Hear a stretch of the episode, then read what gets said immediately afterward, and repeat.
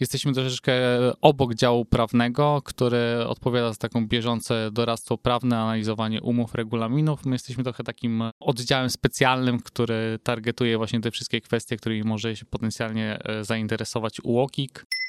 W 2017 roku UOKiK zrobił w siedzibie spółki w Poznaniu przeszukanie. No i następnie przez 5 lat trwało postępowanie, gdzie UOKiK zbierał materiał dowodowy dotyczący tego rzekomego faworyzowania naszego własnego sklepu kosztem innych sprzedających co ma właśnie skutkować tym, że te promocje nie będą pokazywane fałszywie, one będą prawdziwe, co widzimy po tym, że na przykład na Allegro już nie ma promocji 80%, są promocje 20%, 30%.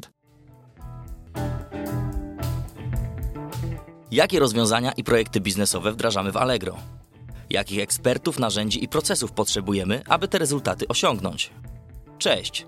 To jest Allegro Podcast, a ja nazywam się Krzysztof Palfner i wspólnie z naszym zespołem porozmawiamy o tym, dlaczego dobrze tu być. W ostatnich miesiącach jednym z głównych tematów wokół Allegro była kara nałożona przez Urząd Ochrony Konkurencji i Konsumentów. W dzisiejszym odcinku porozmawiamy o działaniach, jakie podejmujemy, aby chronić naszych klientów i sprzedawców. Jest ze mną Łukasz Mamiński z działu Compliance.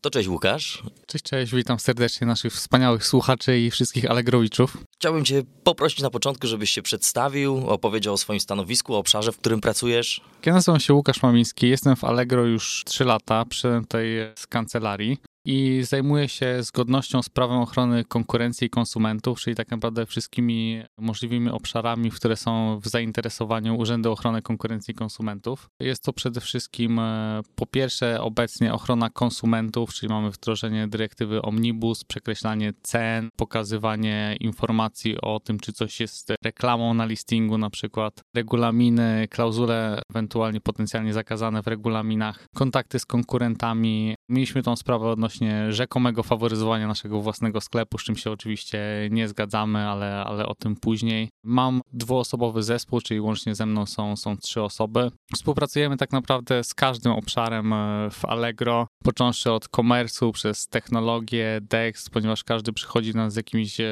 zagadnieniami, które, które wymagają analizy. Jesteśmy troszeczkę obok działu prawnego, który odpowiada za taką bieżące doradztwo prawne, analizowanie umów, regulaminów. My jesteśmy trochę takim oddziałem specjalnym, który targetuje właśnie te wszystkie kwestie, którymi może się potencjalnie e, zainteresować UOKiK. No i działamy, żeby to wszystko było zgodnie z tym, co, co wymaga UOKiK i żebyśmy nie mieli jakichś dodatkowych postępowań. No jeżeli jakieś postępowanie mamy, no to też zajmujemy się obsługą tych, tych postępowań. Staramy się, żeby nie zakończyły e, decyzją niekorzystną dla nas. Okej, okay, dziękuję bardzo. Trochę wyprzedziłeś już moje pytania, właśnie chciałem zapytać też y, więcej na temat działu compliance, jaka jest y, struktura, żebyś opowiedział trochę o swoim zespole. Tu już tutaj zawarłeś, chyba że chcesz jeszcze coś dopowiedzieć w tym temacie. Nasz zespół składa się z prawników, tak. Ja jestem radcą prawnym, Marta jest y, adwokatem obecnie niewykonującym zawodu, Zuza jest aplikantką radcowską. Więc działamy troszkę podobnie jak, jak, jak dział prawny, ale no, jak gdyby taki de dedykowany specjalnym zadaniom, więc też nie działamy na, na serwis Now, e, gdzie wszystkie zapytania z prawnego działają. Jesteśmy takim e, zespołem ad hoc, który stara się jak najszybciej odpowiedzieć na maile, na kole i rozwiązywać takie najbardziej palące sprawy.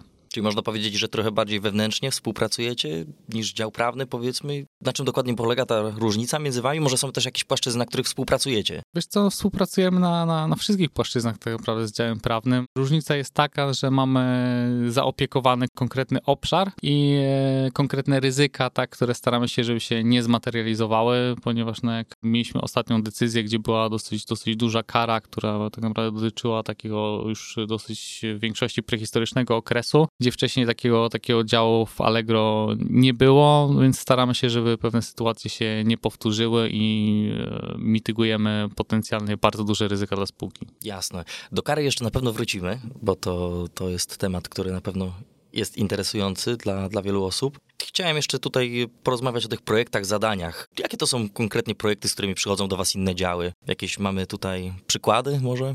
Jednym z projektów, którym na przykład zajmujemy się, no to ostatnio był projekt Best Price Guarantee, czyli gwarancja niższej ceny. Staraliśmy się, żeby ten program był jak najlepiej skonstruowany prawnie, żeby nie budził żadnych zastrzeżeń pod względem e, ochrony konsumentów. Bo jak wiemy, podobnego typu programy na przykład miała Biedronka, tarcza inflacyjna, no i od razu UOKiK się tym zainteresował, ponieważ tak naprawdę oni mówili w swoich e, informacjach, że to jest najniższa cena, jeżeli gdzieś znajdziesz, to przyjdź do nas. No ale okazywało się, że w praktyce zrealizowanie takiego claimu było niemożliwe. Dlatego razem z całym właśnie zespołem biznesowym e, staraliśmy się tak zrobić przekaz marketingowy, regulamin tego programu i jego działanie, żeby on nie budził żadnych właśnie wątpliwości z perspektywy prawa ochrony konsumentów i przekaz, który, który ten program ze sobą niósł, nie wprowadzał w żaden sposób konsumentów w błąd.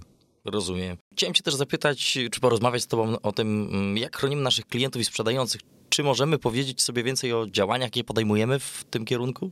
Jeżeli chodzi o, o naszych konsumentów, to przede wszystkim staramy się żeby przekaz marketingowy, który mamy, zawsze był prawdziwy, żeby nie używać jakichś takich claimów, które e, są dwuznaczne albo mogą być dwuznacznie rozumiane, żeby ktoś nie czuł się wprowadzony w błąd. Mamy także Allegro Protect, czyli dawny program ochrony kupujących, który sprawia, że jeżeli kupujący coś kupuje na Allegro, no i ta transakcja nie pójdzie tak, jak do końca on by chciał i sprzedający nie chce na przykład mu zwrócić pieniędzy, no ten program działa w ten sposób, że my jako Allegro przejmujemy tą odpowiedzialność i, i, i te pieniądze zwracamy po to, żeby, żeby konsument był zadowolony. Dbamy także o naszych merchantów. Obecnie staramy się przede wszystkim skupiać na komunikacji naszych merchantów, ponieważ wcześniej ta cała komunikacja być może nie działała tak, jak, jak chcielibyśmy, żeby działała. Teraz staramy się z bardzo dużym wyprzedzeniem komunikować wszystkie zmiany, odpowiadać na wszystkie pytania, co sprawia też, że na przykład ostatnie zmiany regulaminowe, które dotyczyły prowizji, miały bardzo niski kontakt rate.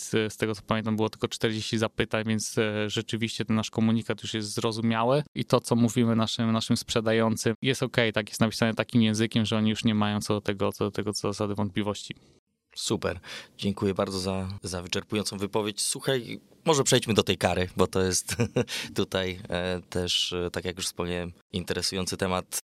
Czy możemy coś szerzej powiedzieć na ten temat? Od czego to się w ogóle zaczęło i no jak się do, do niej odnosimy w ogóle? To tak naprawdę zaczęło się jeszcze dużo przed moim przyjściem do Allegro. Gdzieś tam okres 2015, 16, 17, kiedy spółka zdecydowała się na otworzenie własnego sklepu, to powiedzmy między 14 a 15 zaczęło to się w jakiś sposób formułować. Celem tego naszego własnego sklepu od początku było to, żeby uzupełniać ofertę platformy i przyciągać ruch. Jeżeli wiadomo, że platforma jest dwustronna, czyli musi przyciągnąć zarówno kupujących, jak i sprzedających. No i w tym momencie, żeby przyciągnąć kupujących, musi oferować atrakcyjne ceny i e, towary, których brakuje, których nie oferują inni sprzedający. Rolą 1P było uzupełnianie tych luk produktowych i cenowych i oferowanie atrakcyjnych e, towarów w atrakcyjnych cenach, czego nie robili e, częściowo nasi sprzedający. Więc tam, gdzie brakowało jakiegoś konkretnego towaru i wiemy, że kupujący go, go poszukiwał, nie mogliśmy go sorsować od sprzedających, wtedy wchodziło nasz własny sklep, czyli w skrócie 1P First Party i te produkty sprzedawało. Merchanci skarżyli się do, do Urzędu Ochrony Konkurencji i Konsumentów na rzekome faworyzowanie tego sklepu i w 2017 roku UOKiK zrobił w siedzibie spółki w Poznaniu przeszukanie. No i następnie przez 5 lat trwało postępowanie, gdzie UOKiK zbierał materiał dowodowy dotyczący tego rzekomego faworyzowania naszego własnego sklepu kosztem innych sprzedających i właśnie w grudniu 2022 roku wydał decyzję, z którą się nie zgadzamy, którą, od której się odwołaliśmy do sądu. Nie zgadzamy się z e, bardzo prostego powodu, tak, ponieważ ten nasz własny sklep miał i ma gdzieś około 1% wartości sprzedaży na platformie, czyli on nie jest w stanie tak naprawdę wpłynąć na, na innych sprzedających w jakiś istotny sposób. Po drugie, sprzedaż tego naszego własnego sklepu to nie jest coś, na czym Allegro zarabia. Allegro zarabia na prowizjach od, od innych sprzedających, dlaczego w naszym najlepszym interesie jest to, żeby sprzedający niezależni sprzedawali jak najwięcej, żebyśmy my najwięcej zarabiali z prowizji. Jeżeli sprzedaje nasz własny sklep, który sprzedaje no, z taką zazwyczaj dosyć niską marżą, to tak naprawdę my jesteśmy, jesteśmy na tym stratni. No i rolą tego 1P, tak jak mówiłem, jest przyciągnięcie tego ruchu, dlatego oni oferują właśnie atrakcyjne produkty w atrakcyjnych cenach, często sprzedając je po kosztach, po to, żeby przyciągnąć kupujących, żeby oni kupowali także u innych sprzedających. No więc my dostaliśmy karę za to, że rzekomo udostępnialiśmy właśnie naszemu własnemu sklepowi jakieś funkcje promocyjne na platformie niedostępne innym, innym sprzedającym, że on miał jakieś poufne informacje, które wykorzystywał kosztem innych sprzedających, co, co nie jest prawdą, no i co będziemy wykazywać w sądzie w trakcie, w trakcie postępowania. Tam była jeszcze kwestia regulaminu Smarta, tak? Zdaje się w tej karze. To była druga decyzja, za tą decyzję dotyczącą rzekomego faworyzowania naszego własnego sklepu dostaliśmy karę 206 milionów. No i mieliśmy jeszcze drugą decyzję 4 miliony kary za również e, rzekomo naruszające interesy konsumentów e, klauzule pozwalające nam na dowolną zmianę regulaminu głównego Allegro i regulaminu Allegro Smart. Nigdy z tych, z tych klauzul e, nie skorzystaliśmy w jakiś niekorzystny dla, dla konsumenta sposób, no i naszym zdaniem one były prawidłowe, też dlatego się odwołaliśmy od tej decyzji do sądu. No i czekamy, czekamy na wyrok sądu, zobaczymy, czy sąd uzna nasze racje, czy sąd uwzględni jednak stanowisko UOKiK-u. Mamy co najmniej dwie instancje, więc e, będziemy walczyć.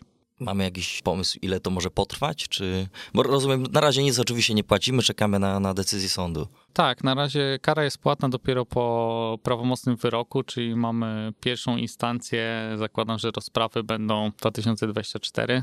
Okay. Potem e, apelacja do sądu apelacyjnego, no to lądujemy 2025-2026, w zależności jak to będzie trwało. No i wtedy jeszcze mamy możliwość e, też wniesienia e, skargi kasacyjnej do Sądu Najwyższego i kolejne, kolejne lata, więc myślę, że to jeszcze będzie długo, długo, długo się toczyć. Jasne. Bardzo Ci dziękuję za opisanie tego. Wspominałeś też o omnibusie. Dyrektywa Omnibus Możemy sobie powiedzieć, czego ona dotyczy, przybliżyć? Dyrektywa Omnibus przede wszystkim teraz najbardziej na tapecie e, jest jeden element tej dyrektywy, czyli pokazywanie promocji i przekreślania, przekreślania cen.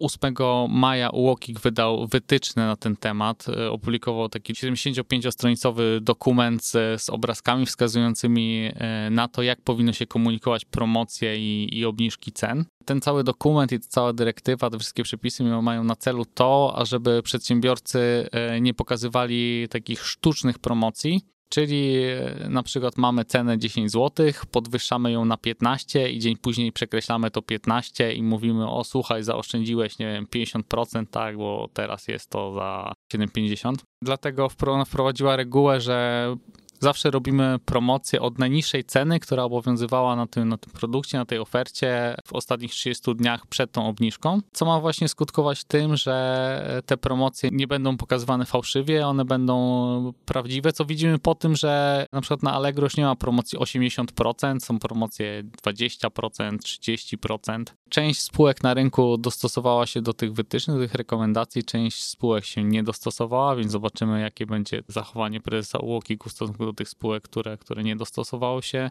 My jako Allegro już e, od, od jakiegoś czasu pokazujemy te promocje właśnie od ceny najniższej co 30 dni. Teraz jeszcze analizujemy dokładnie te wyjaśnienia prezesa UOKiK-u i patrzymy, czy jeszcze są u nas na stronie jakieś elementy, które powinniśmy poprawić, żeby być w 100% e, zgodnymi z tymi, z tymi rekomendacjami. No i działamy razem właśnie z zespołami technologicznymi UX-owymi, żeby e, przeprojektować te, ten wygląd strony, wygląd listingu, kafli produktowych w taki sposób, żeby właśnie to wszystko było zgodne z tym, e, co, co jest w przepisach, co jest w wyjaśnieniach UOKiK-u, żeby nikt nam właśnie nie zarzucił, że działamy w jakiś sposób niezgodnie z prawem albo oszukujemy w jakiś sposób konsumenta.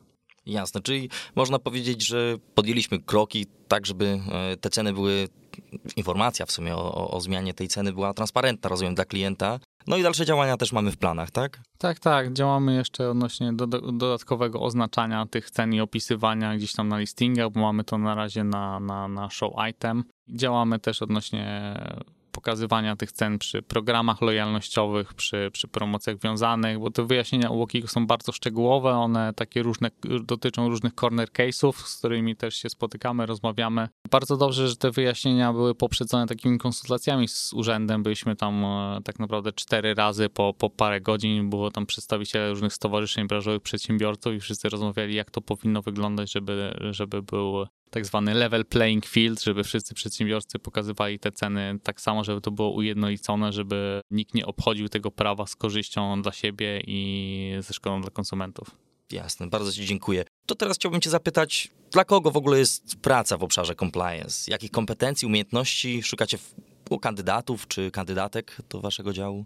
Przede wszystkim e, szukamy osób otwartych, które bardzo dobrze rozumieją biznes albo chcą zrozumieć biznes i szukają rozwiązań, a nie, a nie problemów, tak? No bo często spotykamy się właśnie, jeżeli chodzi o właśnie taki stereotyp prawnika, tak, że prawnik znajduje bardzo dużo problemów, mówi co jest nie tak, ale nie potrafi podać rozwiązania, jak to zrobić, żeby właśnie biznes był zadowolony i żeby to było najmniej ryzykowne rozwiązanie. Jeżeli widzimy problemy, to staramy się podać e, rozwiązania. Jeżeli te rozwiązania nie są akceptowane przez biznes, to szukamy dalej rozwiązań alternatywnych, tak żeby właśnie zminimalizować ryzyko i żeby to rozwiązanie też przynosiło korzyść biznesowi. Więc to jest to tak naprawdę, czego, czego szukamy u osób, e, które, które do nas przychodzą. To jest e, no, taka kreatywność, żeby, żeby działać zgodnie z prawem, ale jednak mieć taki sznyt biznesowy i szukać rozwiązań, które sprawią, że spółka będzie się rozwijała, a jednocześnie będzie bardzo niskie ryzyko regulacyjne.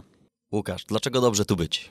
Dobrze tu być, bo mamy sprawczość. Tak naprawdę Allegro jest spółką polską, headquarter jest w Polsce, w Poznaniu, w Warszawie to, co robimy, to robimy zazwyczaj e, precedensowo pierwszy raz. Nie mamy narzuconych z góry rozwiązań z jakiegoś headquartera z innych krajów, ze Stanów, innych europejskich krajów. To my jesteśmy pionierem, my możemy wprowadzać rozwiązania, które, które chcemy wprowadzić możemy wykazywać się kreatywnością, możemy właśnie wdrażać to w taki, wszystkie rzeczy w taki sposób, które my chcemy. Mamy bardzo blisko zarząd, możemy tutaj rozmawiać, robić brainstorming, nie jesteśmy tylko wykonawcami poleceń, ale inspirujemy, działamy i mamy tą sprawczość i widzimy, że to, co chcemy zaimplementować, pojawia się. Nie musimy czekać na, na polecenia, tylko właśnie my jesteśmy tym kreatorem tych wszystkich działań. Jasne. To jeszcze cię tylko zapytam o jedną rzecz. Jaki jest najdziwniejszy produkt, który kupiłeś na Allegro? To już mówiłem ostatnio, jak nagrywałem jakiś podcast w zeszłym roku, że kupiłem kapok dla psa, więc y, jak widzę, wszystkie wow. rzeczy są na Allegro. Teraz kupuję różne cudowne rzeczy do remontu, które, które mam w domu, więc gniazdka, gniazdeczka i tego, i tego typu rzeczy. Myślę, że na Allegro da się kupić praktycznie wszystko, więc każdemu polecam poszukanie, przejście sobie przez listing i zakładam, że praktycznie wszystko to, co się wpisze, to nam, to nam się pojawi. No to, to zapewne prawda, jasne, że tak. Łukasz, bardzo Ci dziękuję za spotkanie, za to, że opowiedziałeś właśnie o, i o swojej pracy, i o tej karze, która, jak już powtórzę się, jest interesującym tematem dla, dla każdego, myślę, kto tutaj słucha nas. O omnibusie. Dziękuję Ci za spotkanie, że, że mogliśmy porozmawiać. No i czego mogę Ci życzyć? Powiedz mi jeszcze. Po pierwsze tak, ja bardzo również dziękuję za spotkanie. Po drugie, czego możesz mi życzyć? No myślę, że może mniejszej ilości interakcji z urzędem, a większego compliance i zaangażowania e, w wypracowanie bezpiecznych rozwiązań po stronie spółki, które potem się nie spotkają z jakimś zdaniem odrębnym czy innym rozumieniem tego przez Urząd Ochrony Konkurencji i Konsumentów. Do tego Ci życzę w takim razie wszystkiego dobrego i jeszcze raz dzięki. Dzięki serdeczne, trzymaj się. To już wszystko na dziś. To był Allegro Podcast. Skoro zostaliście z nami do końca, to pewnie jesteście głodni, aby usłyszeć więcej. Sprawdźcie linki w opisie odcinka i śledźcie nasz podcast w ulubionej aplikacji, aby dowiedzieć się więcej o tym, dlaczego dobrze tu być. Pamiętajcie, że możecie nas usłyszeć co dwa tygodnie w czwartek.